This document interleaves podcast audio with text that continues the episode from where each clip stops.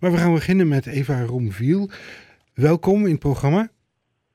Dankjewel. Ja, ik, uh, jij gaat iets vertellen over een manifestatie die zo dadelijk plaats gaat vinden, en wel om half twee, uh, voor het gemeentehuis. En dat is een solidariteitsactie voor de Afghaanse vluchtelingen. waarom deze actie? nou, een dikke maand geleden, gisteren precies een maand geleden, waren er haatvolle en gewelddadige protesten hier in de buurt in Harskamp. Uh, en nou, daar zijn, uh, is heel veel haat geuit naar de Afghaanse mensen die daar aankwamen. Die hebben moeten vluchten voor het geweld van de Taliban. er zijn heel veel racistische leuzen geuit. En vandaag willen wij laten zien dat wij het daar niet mee eens zijn. En dat vluchtelingen welkom zijn in Gelderland en in Nederland. En in Ede ook.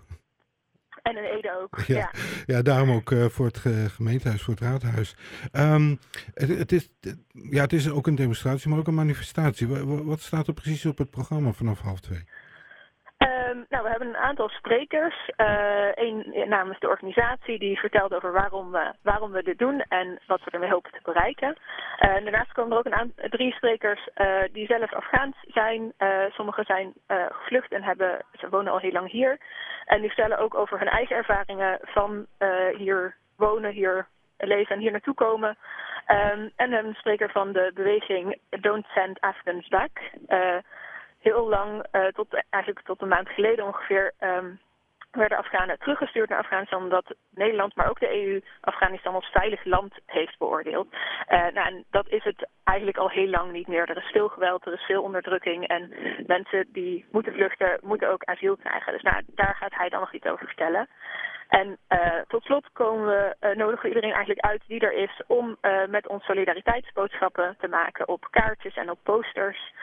en die zullen wij later naar de mensen in Harskamp brengen om hun hun hart onder de riem te steken en te laten zien dat ze hier wel degelijk welkom zijn. Ja, ja we hebben de laatste tijd ook in de diverse media ook gehoord dat de Afghanen toch heel blij zijn in Harskamp dat ze hier hebben, hebben kunnen komen.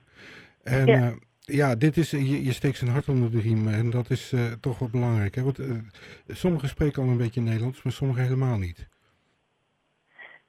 Sorry, ik kon het niet helemaal goed verstaan. So, sommige van de Afghaanse vluchtelingen in Harskamp, die, die spreken al wel wat Nederlands, maar sommigen ook helemaal niet. Die moeten helemaal van met niks beginnen.